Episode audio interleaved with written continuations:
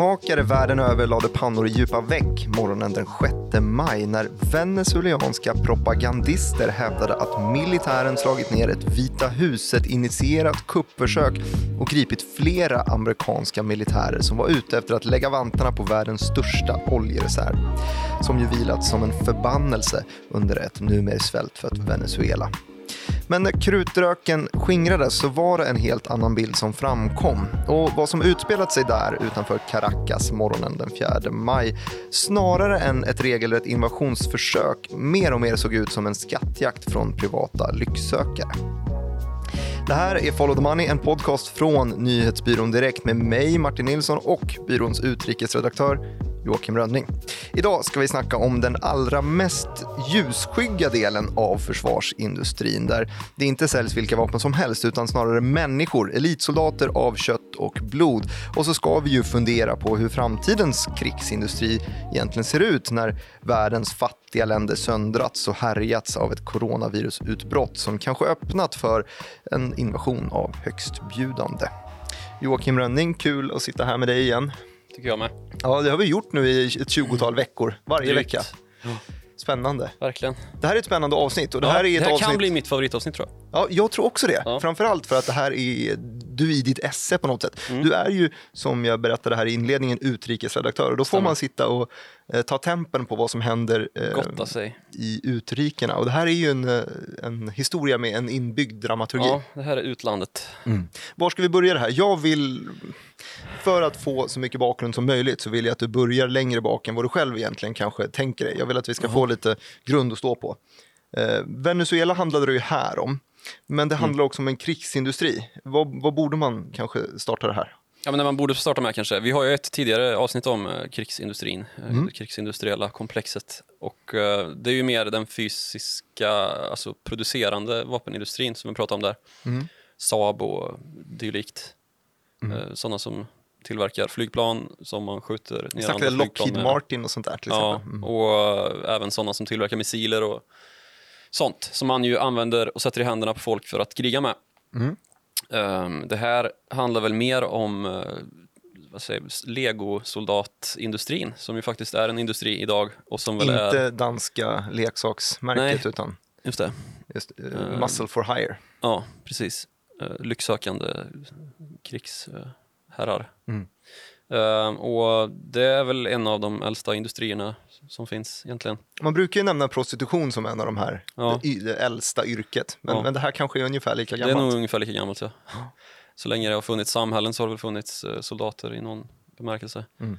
Och ja, det, det, är väl bara att googla om man är sugen på att läsa mer om historiken om uh, uh, legosoldatism Eh, men idag så ser väl industrin, alltså säkerhetsindustrin då, om man kanske ska närma sig den snarare än vapenindustrin för att det handlar om skydd i någon bemärkelse mm. uh, lite mer aktivt än att bara ha uh, ett vapensystem.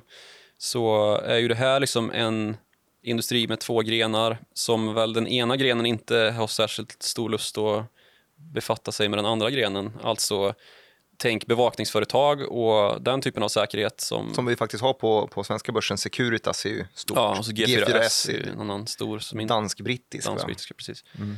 Uh, där har vi ju en, en lite vanligare typ av, alltså mer en polisiär verksamhet som inte har full polisiär makt kan man väl säga. Ja, exakt, Allt från dörrvakter ju... till uh, personskydd då, beväpnat personskydd till och med ju. Som, och lite med begränsat eh, våldskapital kan man väl säga ja. att den branschen har. Det är mycket Securitas som går runt och vandrar och bevakar och, och larmar snarare ja, precis. än att faktiskt ingripa. Kolla dörrar är stängda och sådär. Mm. Um, men det finns ju då även lite mer, med lite mer våldskapital, uh, som sagt livvaktsskydd och sånt här kan ju också hyras in från de här firmorna. Mm. Uh, sen så har vi ju då det vi ska prata om idag, som ju är mer militär, att man, man hyr ut militärer.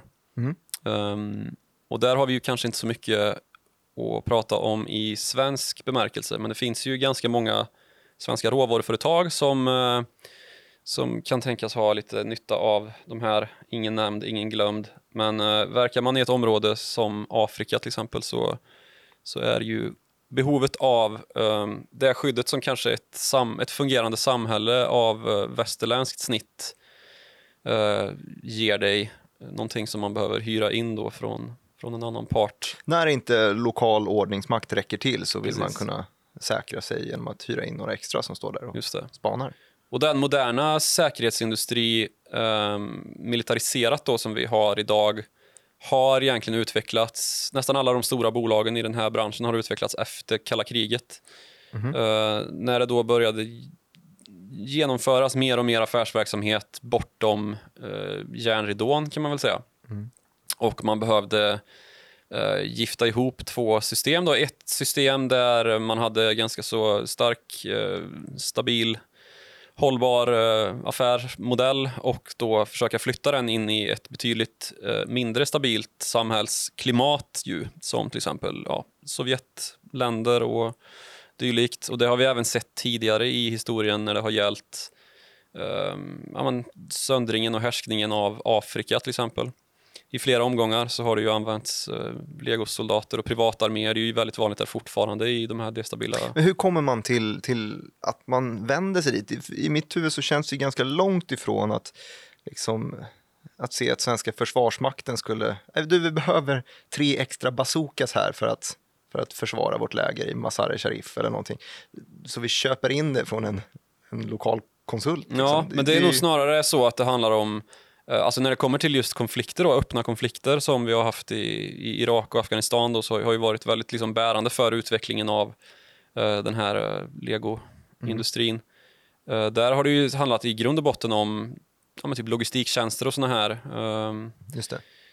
Ja, men, typer av eh, verksamheter som behöver genomföras eh, men som kanske inte militären då som eh, är i ett pressat läge och behöver all sin kapacitet för att liksom, strida. Eh, då kan man inte avsätta det och då faller det sig ju ganska väl in med eh, att ta in en kontraktör då som i i väldigt mångt och mycket vad det gäller USA så, så har ju Blackwater varit på allas Det är ju ett läppar. namn man känner igen verkligen. Ja, precis. Det, de har ju blivit liksom eh, ja, ansiktet, eller vad ska man säga, den som alla vet vilka de är. Eh, Men det, fin- det finns fler. Men eh, de, har ju, de har ju varit eh, mest omsusade eh, de senaste 20, ja, 20 åren Varför, varför känner man till dem egentligen? Egentligen så är det väl att man har varit involverade i eh, ett flertal utredningar på grund av de... eh, Ja, alltså att man har man kom fram till att de har begått, begått nästan krigsbrott. Och, att, eh, och så har det ju komplicerats av att man inte egentligen strider under någon flagg utan man de åker, de åker ju inte med liksom, amerikanska flaggan vajande från, från stridsfordonen utan det är ju, Blackwater-flagg? det är ju Black, Blackwater Piratflagg? Ja. Ja, men lite så. Ehm, och, och då har man ju helt plötsligt gått ifrån det här med att kanske hyras in av staten för att just täcka, eh, ja, men som i till exempel Afrika då, där, ta apartheid till exempel, när apartheid föll, ehm, så finns det ju mycket naturresurser och så här som man är rädd om och att man inte vill att det ska liksom utsättas för plundring. Så då ställer man dit inhyrda soldater under den period där det inte finns en stabil armé eh, formad än och sådär. Eh, så där, där har du ju haft en praktisk, eh, lite mer eh, stillsam eh, kanske, eller mer försvarbar eh, hållning då för att staten ska liksom, eh, förs- försäkra sig om att tillgångarna som tillhör staten också stannar kvar. Liksom. Ehm, och sen så har det ju i, eh, Eh, efter Irak-invasionen där 2003-2004 så, så har ju Blackwater kommit ut på banan ordentligt och eh, blivit mer eller mindre soldater. Och eh, just att man har åkt omkring då och utfört de här tjänsterna för amerikanska eh, militärens räkning så är det ju det händer ju att man blir påskjuten och hur man ska agera då är ju att du har ju väl rätt att försvara dig.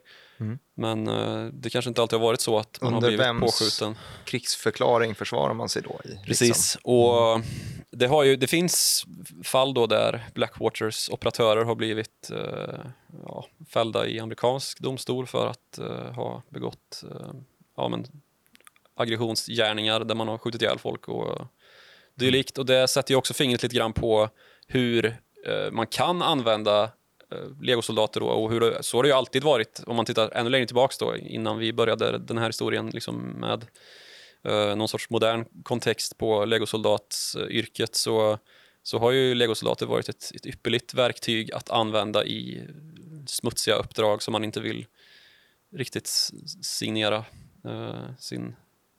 Exakt, när man själv inte vill ta ansvar för den Nej, eventuellt eh, Um, usla sanningen som kommer fram i ett våldsdåd. Precis, och det, och det, har ju väl, det har ju varit liksom den kanske främsta, där man problematiserat mest då, kring Blackwater.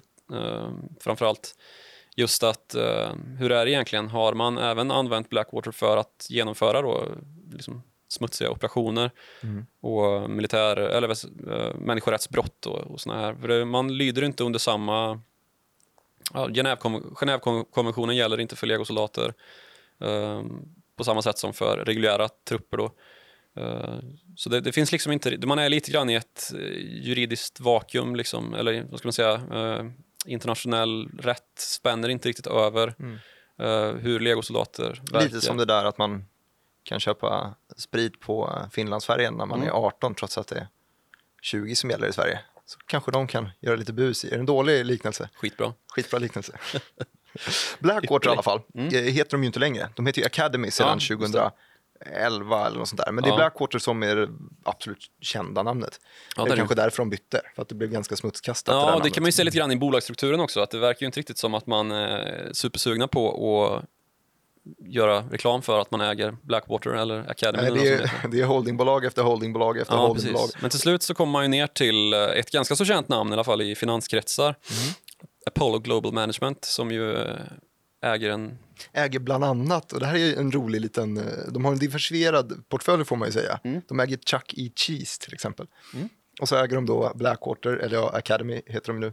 Och så äger de eh, Norwegian Cruise Line, heter de väl va? Just det, Eh, lite värsta kryssningsfartyg och så vidare. är det Peter Stordalens? eh? Nej, det är det inte. Men eh, ja, det, det är en liten lustig portfölj de har där. Eh, och Academy då är en del i, eh, ett, eh, i- en del i den här enorma tillgångsportföljen de har. Apollo Global ska man säga, det går att handla på eh, Ja. Nyse, New Ja, York de Stock har en, Exchange. det är ju ett fondbolag också. Man har ju jättemycket fonder. Mm. Eh, det är lite in- intressant. eh.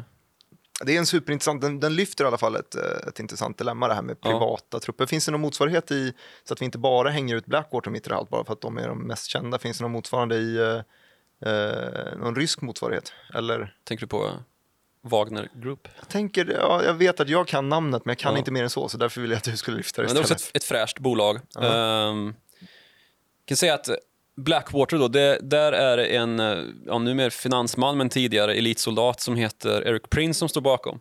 Mhm. Ehm, det finns såklart initiativtagare till Wagner Group också och eh, det, det, jag vet inte hur pass bekräftat det är men och det, är- det är ju väldigt, liksom, eh, det här är skuggaffärer. Sitter du och gissar om skuggaffärer nu då? Ja, lite så. Ja. Eh, men det, det finns ju då en liksom, eh, huvudman bakom Wagner Group och Mm. det man vet är väl att det här är liksom en, en rörelse som ju nyttjas av ryska GRU, alltså, eller ja, motsvarigheten till CIA som verkar i utlandet då för Mm. militärens räkning.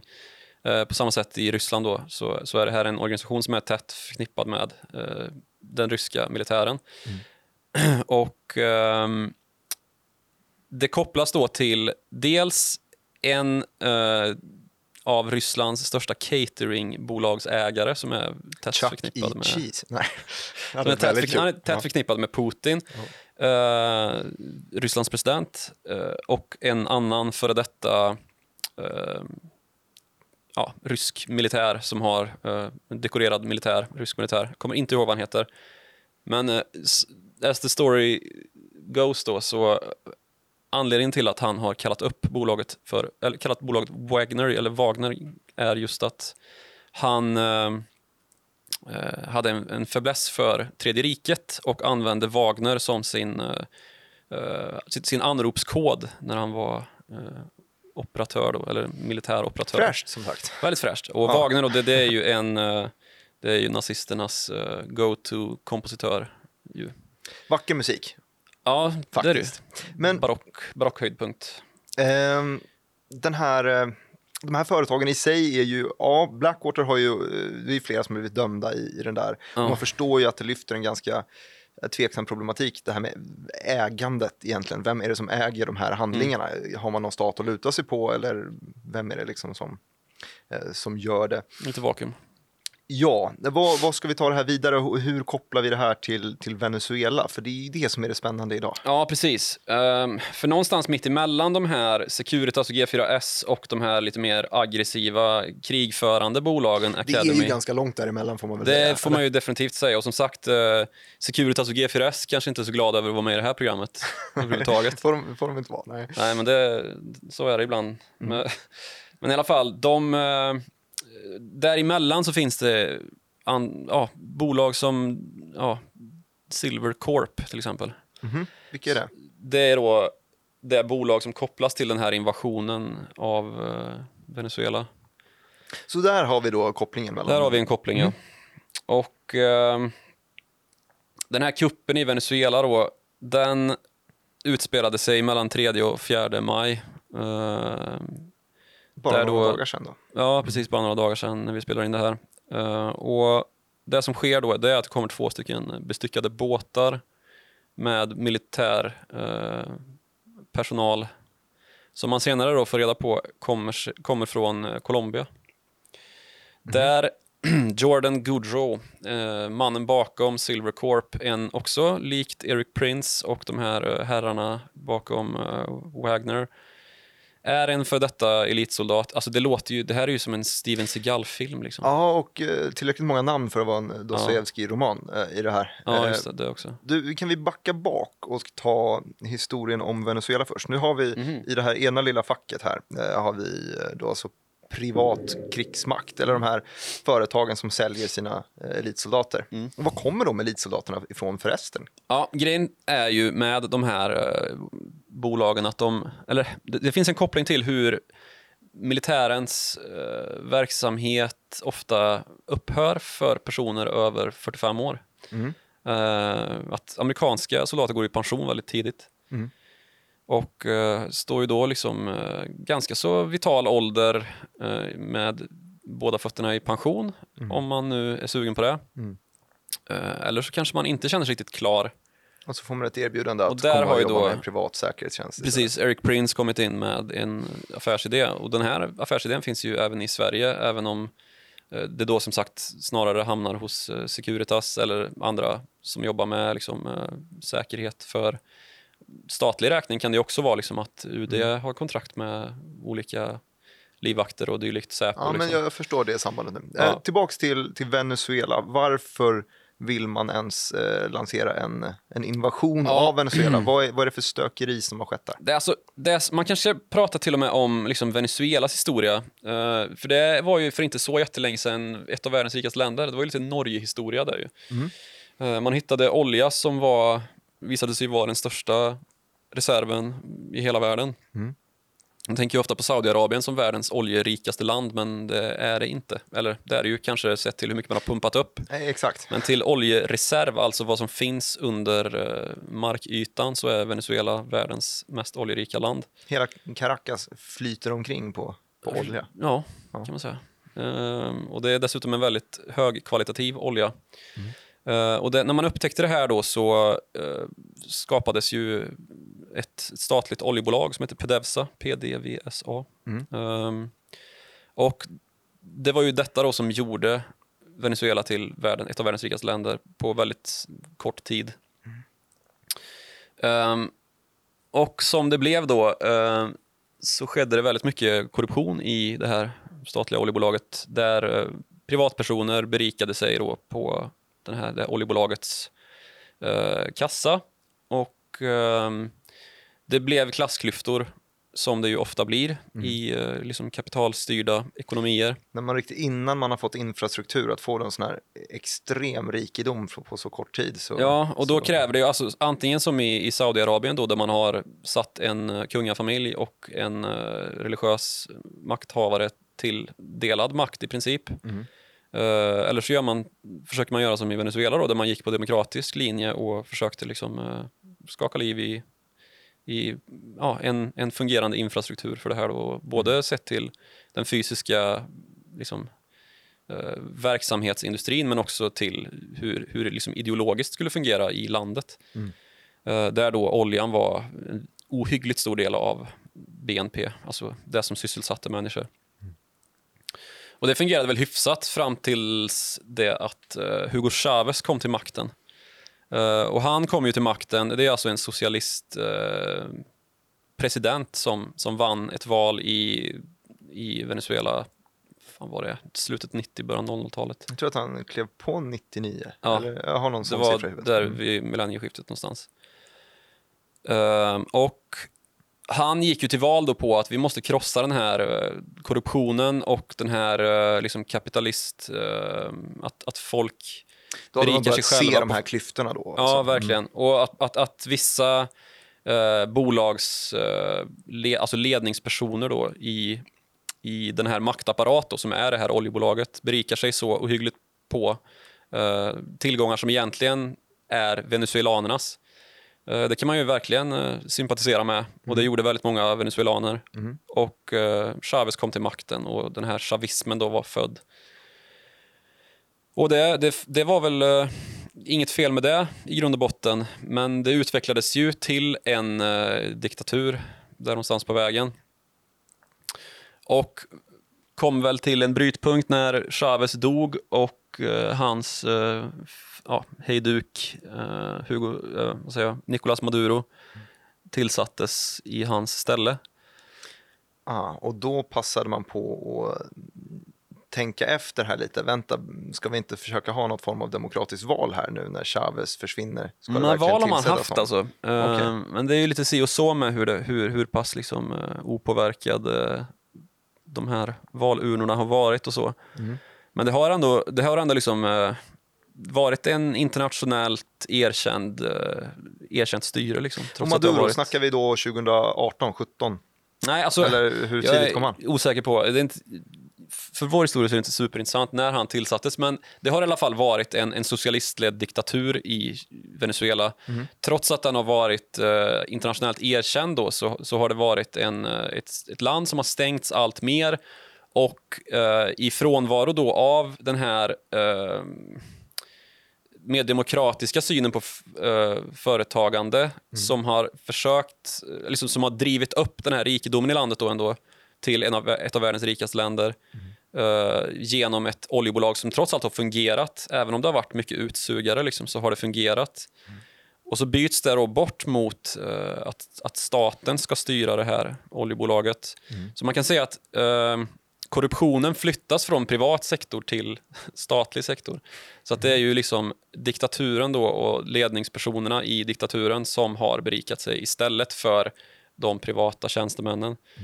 Eh, och det här har ju krossat eh, bolaget fullständigt och eh, Venezuelas oljeintäkter har ju sinat allt mer och den här, det här liksom, eh, våldsamma maktövertagandet som skedde 2018-19 eh, när eh, ja, det senaste valet var och Nicolás Maduro valde att sitta kvar samtidigt som eh, eh, det blev klart att ja, deras riksdag, eller vad man ska säga, eh, leds då av en Juan Guaidó som ju också, om man läser tidningen noga, eh, har varit väldigt mycket ute i ropet det senaste året. Så han är ju liksom den främsta oppositionsledaren i Venezuela. Eh, och han hävdar ju att det är han som är Venezuelas rättmätige ledare och president. Så där har vi maktstriden. Maduro Precis, där är maktstriden. Guaidó. Och det Maduro gjorde då när det framkom att det här valet var ju riggat var att han startade en ny nationalförsamling eh, och utsåg sig till ledare över den. Så idag är det ju 50-60 länder i eh, världen som, som inte anser att Nicolás Maduro längre är en rättmätig ledare utan att det är Juan Guaidó. Då. Bland annat EU och USA och ja, stora delar av världssamfundet. Förutom typ eh, forna tidens kalla krigsländer tycker ju inte att Ah, det är den där gamla den klassiska, klassiska, uppdelningen. ja, klassisk eh, kommunist-socialist. Kul att få se eh, den igen i alla fall. Väldigt spännande. Ja, så att eh, Venezuelas oljeexport har ju avtagit radikalt eh, de senaste åren. Ja, alltså vi som kanske inte har följt eh, den här konflikten eh, ner på personnivå har ju Mm. ändå märkt att Venezuela har haft det kämpigt. Vi har ju sett eh, Jag som, som eh, har någon form av fetisch för grafer har ju spanat på inflationen i Venezuela till exempel. Det Ja. blir liksom ett nytt, nytt Zimbabwe-exempel. Ja, det är nog värre än Zimbabwe till och med. Och det är, vi snackar miljoner om man räknar i procent. Och Miljoner procent, ja. Och grafer sticker iväg och Mm, slår de blir oläsliga till slut. Det, det blir de ju. Eh, Och det finns ju något, något spännande där i hur det kan gå så snett. Ja, precis. Eh, Men det har i alla fall varit en del i den här eh, dramaturgiska kakan som är Venezuela. Ja, Eh, absolut. Och hur kommer vi då fram till eh, idag? Ehm, ja, ska jag säga. Statskupp den... Alltså det har inte blivit lättare för eh, Venezuela i och med det här eh, som vi också har omtalat en hel del, oljeprisraset som har varit. Mm, faktiskt, det är en Eh, viktig del. För man har ju haft lite oljeintäkter ändå ju och då, det, då är det ju bra om priset är högt. Mm. Eh, men men liksom landet är ju idag helt eh, handikappat av amerikanska sanktioner och det är också en viktig del i det här. Eh, och just det här kalla krigsscenariot då som, som utspelar sig på politisk, makrogeopolitisk nivå. Mm. Eh, att Ryssland står ju bakom, Kina står bakom och då försöker man få hjälp av dem. Mm. Samtidigt som USA eh, på, på andra planhalvan och kastar sanktioner. Vad är det för och, sanktioner de lägger då? Ja, att det inte, du inte får handla med olja eh, med, med Venezuela. Ja, det, är- det är tufft när man hade 90 av, av intäkterna Ja. via den branschen. Ja. Precis. Eh, och och då, då har ju då bland annat Rosneft, som ju är ett av, eh, det är väl Rysslands största oljebolag, Mm. åkt dit och försökt eh, bistå med eh, diverse... Just det, de, skulle, de ville köpa en, en stek i Pedevsa Ja, precis. och eh, på så sätt kunna kringgå amerikanska sanktioner och sälja Mm. direkt till Ryssland. Men då kom USA och gav sanktioner till Ryssland, eller gav dem ett Ja, varningens finger i ja, alla eller gav, gav sanktioner till eh, Rosneft som ju Ja, då fick dra sig ur och så fick eh, ryska regeringen istället gå in med ta den Se vad jag lär mig, det här lärde jag mig av eh, senaste oljeavsnittet med dig ju. Ja. Då gick du igenom det här. Härligt. Tänk att jag kommer ihåg också. Ja, fantastiskt. Någon form av värdemätare. Kul. Ja. Eh, en annan del av de här sanktionerna, eller det kanske inte är en sanktion utan eh, vad ska man säga? Är, man har lagt en, eh, en prislapp på Maduros infångande. Det här är spännande. Alltså Ja. så att Vita huset har lagt f- 15 miljoner Dollar. dollar i en prispott på den som för Maduro till eh, amerikansk rätt, eller hur? Ja, det, det är inte död eller levande, utan det är i högsta grad levande och framför en dom, domstol Ja. som gäller. Så han är ju eh, en man med, med eh, ja, Press på sig. en guldgosse. och man kan ju då tänka sig att uh, denne, som jag sa, hette Jordan Goodrow, Mm. som ju är mannen bakom Silver Corp, då, det här eh, privata säkerhets militärbolaget Mm. som, eh, ehm, som gjorde den här invasionen. Att han var ute efter Maduros, ja, sätta Maduro på ett flygplan och flyga honom till USA. Det finns ju exakt, det finns ju väldigt många viljor i den här kuppen. Eftersom att det är så tidigt i historien så har vi ju långt ifrån facit på vad det är som egentligen har styrt det här. Mm. Nej, precis. Det är ju Men nästan de här ett- 15 miljonerna i, i, i prispott måste ju eh, Det var nog spela en, roll. Ja, precis. Det var nog en del av liksom, eh, ekvationen i alla fall. Mm. Sen så finns det en massa annan eh, rapportering då kring Juan Guaidó just, som ju är erkänd av USA bland annat. Mm. Och att han då ska ha lovat ut 200 miljoner dollar till eh, denne Jordan Goodrow och hans Silver Corp. Rik snubbe ändå. Ja, Utan att vara vid makten så sitter han på... ja, han verkar ju inte ha haft de här pengarna för det, det finns ju inte... Ah. Ja, Goodrow själv då hävdar att Alltså Goodrow och Guaidó, nu är det viktigt att hålla isär de här två gubbarna då. Ja, det är två olika. Dessutom Juan och Jordan, de är, det är inte samma person alltså. Nej. Och så finns det, Det är en ingen som heter Johnny Goodrow också, som jag har kollat mycket på. Eh, Ja. Hockeyspelare i Calgary Flames kanske. Eh, NHL. Ja, skit i det. Ja. Vidare. Fick vi med det också. Mm. Ja, ehm, som sagt, Johnny... eh, Inte Johnny vi Goodrow. tar dem. Ja. Eh, Jordan Goodrow, Silver Corp, amerikansk för detta soldat. Mm. Eh, startar ett, ett säkerhetsfi- en säkerhetsfirma. Eh, sticker näsan i eh, vädret och får korn på venezuelansk, eh, venezuelanska oljemiljarder och eventuellt en prislapp på diktatorns huvud. Mm. Kontaktar Juan Guaidó som är nationalförsamlingens eh, rättmätige ledare, eller nationalförsamlingens ledare och eh, enligt honom själv och 60 50-60 länder i världen också eh, statens rättmätige ledare, alltså president. Eh, och eh, de två kommer överens. Det finns till och med ett kontrakt då som signats och som har lite så här... Mellan Guaido och Goudreau. Ja, precis. Eller i alla fall mellan Guaidos eh, organisation då, eh, som försöker komma till makten, mm. ja, eller som, som liksom jobbar då för att eh, avsätta Maduro eh, med hjälp av internationell, ja, internationellt stöd. Mm. Den här organisationen och Goudreau har ett, ett avtal eh, där de här grejerna framkommer. Men det är väl lite si och så med om det är, eh, har liksom tecknats under Juan Guaidos eget överinseende eller om det bara är något som lät som en bra idé och som någon i organisationen signade under på. Mm. Eh, lite, lite hastigt och lustigt. Um, och Guaido vet man ju är en, en väldigt god vän till USA just. Just det. Mm. Och där har vi ju liksom den konspiratoriska dragningen i det hela. Ja, man ser ju krafterna här. Man har Maduro ja. på makten som mm. inte vill lämna. Man har Guaido som vill komma in och ta över makten. Vi har eh, Silvercore som är i USA och vill tjäna pengar. Vi har USA som vill bli av med Maduro och betala mm. pengar. Mm. Så att vi har ju alla, alla delar i pusselbiten. Men USA har väl nekat till någon all form av inblandning, hoppas jag. Ja. ja skönt. Eh, berätta nu om, om Goodrow, Jordan Goodrow, eh, sätter sig i två båtar, säger du? Eller ja, det blir ofta så. Um... och inte just metaforiska två båtar, utan Nej. sjösätter två båtar mot med kurs mot Venezuela. Ja, just det, du tänker så. Ja, mm. eh, precis. Han har ju då rekryterat eh, 50-60 ja, före detta, alltså exil, exil venezuelaner mm. eh, som man då har lovat guld, gröna skogar och eh, ett liv i paradiset Venezuela mm. när Maduro är avsatt.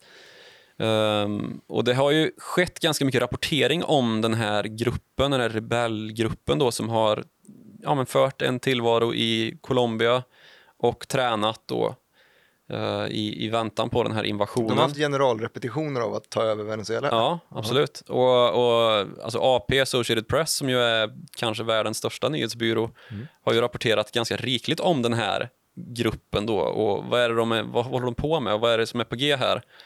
Och nästan lite raljant rapportering också, liksom, att det här är ju eh, nästan lite löjligt. Varför, hur kan det här pågå? Ja, mm. för att de, de har ju knappt vapen och de, det verkar väldigt oproportionellt. Ja. Och eh, det har det ju visat sig vara också, för de, blev, de slogs ju ner ganska rappt av eh, venezuelanska eh, försvaret och eh, fick löpa gatlopp i, eh, som sagt, den propagandistiska venezuelanska pressen. Mm. Uh, varav två amerikaner då som också är forna uh, Men så, så de sjösätter hela amerikaner. operationen? För det här tycker jag inte framgår helt heller. De, de faktiskt försöker genomföra den. Mm. Uh, och det, blir, det utbryter strid, eller hur? Ja. Och det är flera och, människor som ja. lyfter, mister livet här. Ja. när de försöker gå i land. Jag tror det är åtta bekräftade döda. Och resten har väl i princip gripits.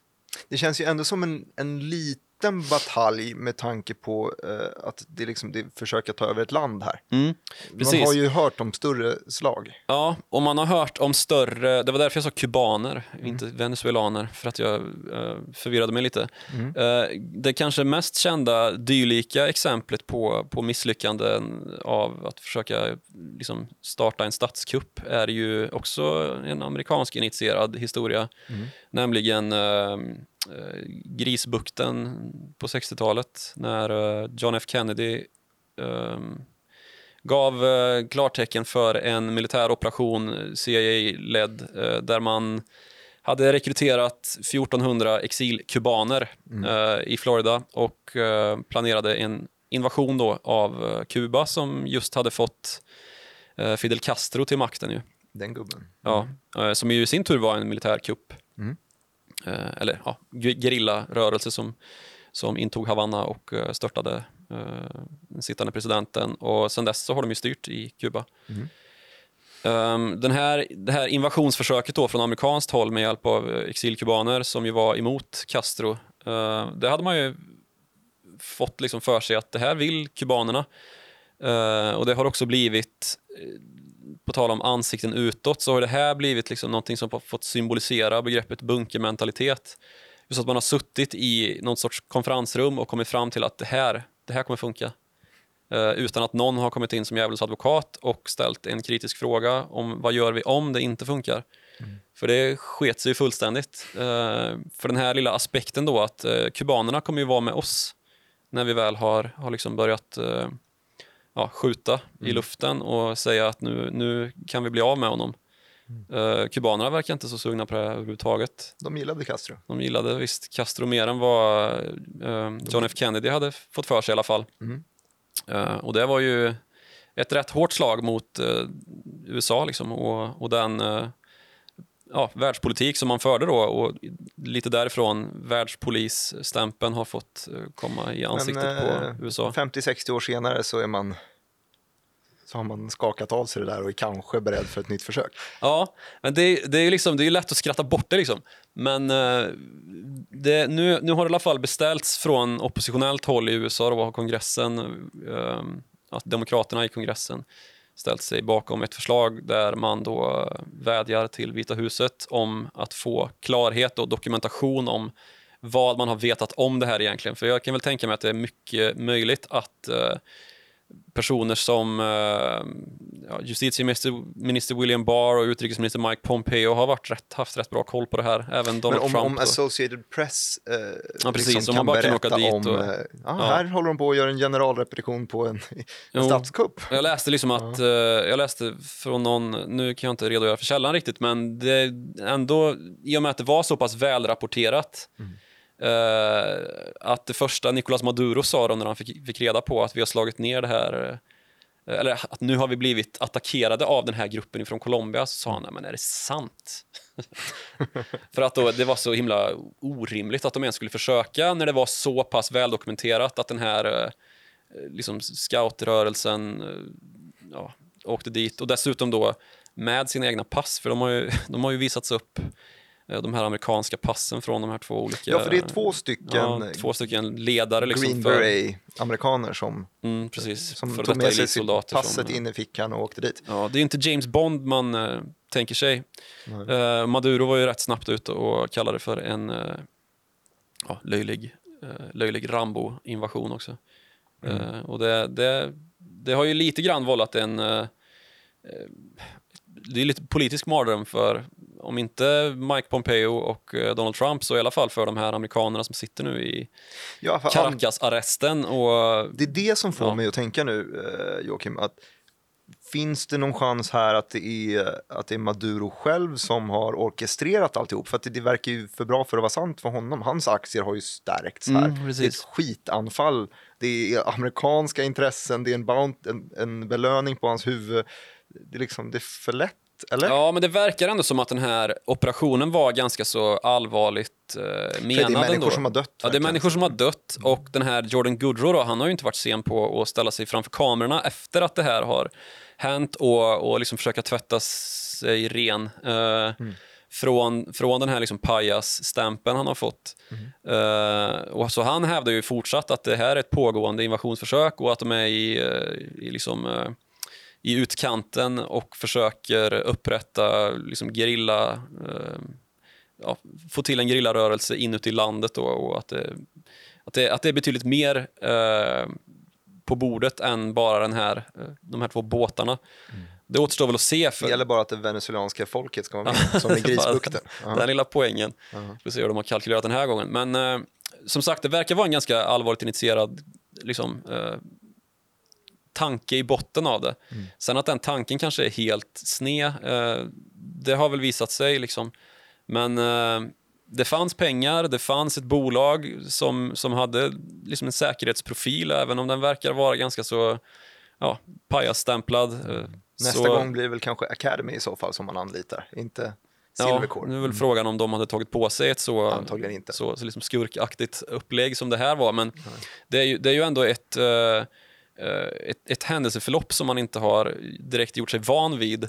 Utan man har ju liksom gjort sig van vid att uh, ja, visst, amerikanska militären, ryska militären använder sig av uh, privat, ja, privatsoldater för att ja, men försvara en tillgång eller liksom avlasta mm. den egna verksamheten. Eller som Ryssland då, i Syrien och i Ukraina och you name it, liksom för att avstyra piratattacker i kring Somalia och sånt här har ju också varit aktuellt liksom för de här företagen. Mm.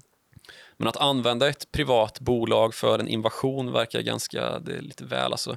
Sen så kanske USA visste om vad som var på väg att hända, men att man liksom, ja, lät det vara bara. Gör, gör det då. Ja. Ja, precis. Går det så går det, annars ni, ni får inte vår frälsning. Liksom. Eh, men som sagt, det verkar ha varit en ganska så allvarlig idé bakom och att man skulle liksom upprätta e- en liksom förläggning med bra mycket mer folk än de här 50-60 som till slut ja, tog tjuren vid hornen. Ehm, ja, Men jag tycker att det här är det, det intressanta med det. Dels så är det, den här historien är ju den är ju spännande. Det kommer ju bli någon form av P3-dokumentär framåt i tiden som beskriver den här, eller i alla fall någon form av liten Netflix-serie kanske. Eh, Men det som är spännande är just den här ansvarsfriheten, att man skapar sådana här, och det är ingen riktigt som ställs till svars, utan ja, man hamnar i ett jobbigt diplomatiskt scenario här där USA har sanktioner på eh, på Venezuela. Samtidigt så har de två stycken amerikanska medborgare som de, eh, man kanske kan förvänta sig att de vill ha hem på något sätt. Men det är två stycken amerikanska medborgare som de egentligen inte vill förknippas med för att de har pre- precis försökt göra en statskupp. Alltså den typen av, när privata aktörer kan ta sådana beslut, att när privata aktörer kan köpa till sig våldskapital, då är, blir ju världen lite skakig på något sätt. Eller, eller mycket skakig. ja. Ehm, och det, det är lite läskigt i sig, tycker jag. Absolut. Och det är ju det här med... eh, Alltså, ta som till exempel Nigeria där vi har Boko Haram i norra delarna av landet som har styrt och härjat eh, i tiotal år. Eh, där, har ju, där har vi ju liksom källor på, det vet vi att, att Blackwater har varit involverad i att driva ut dem.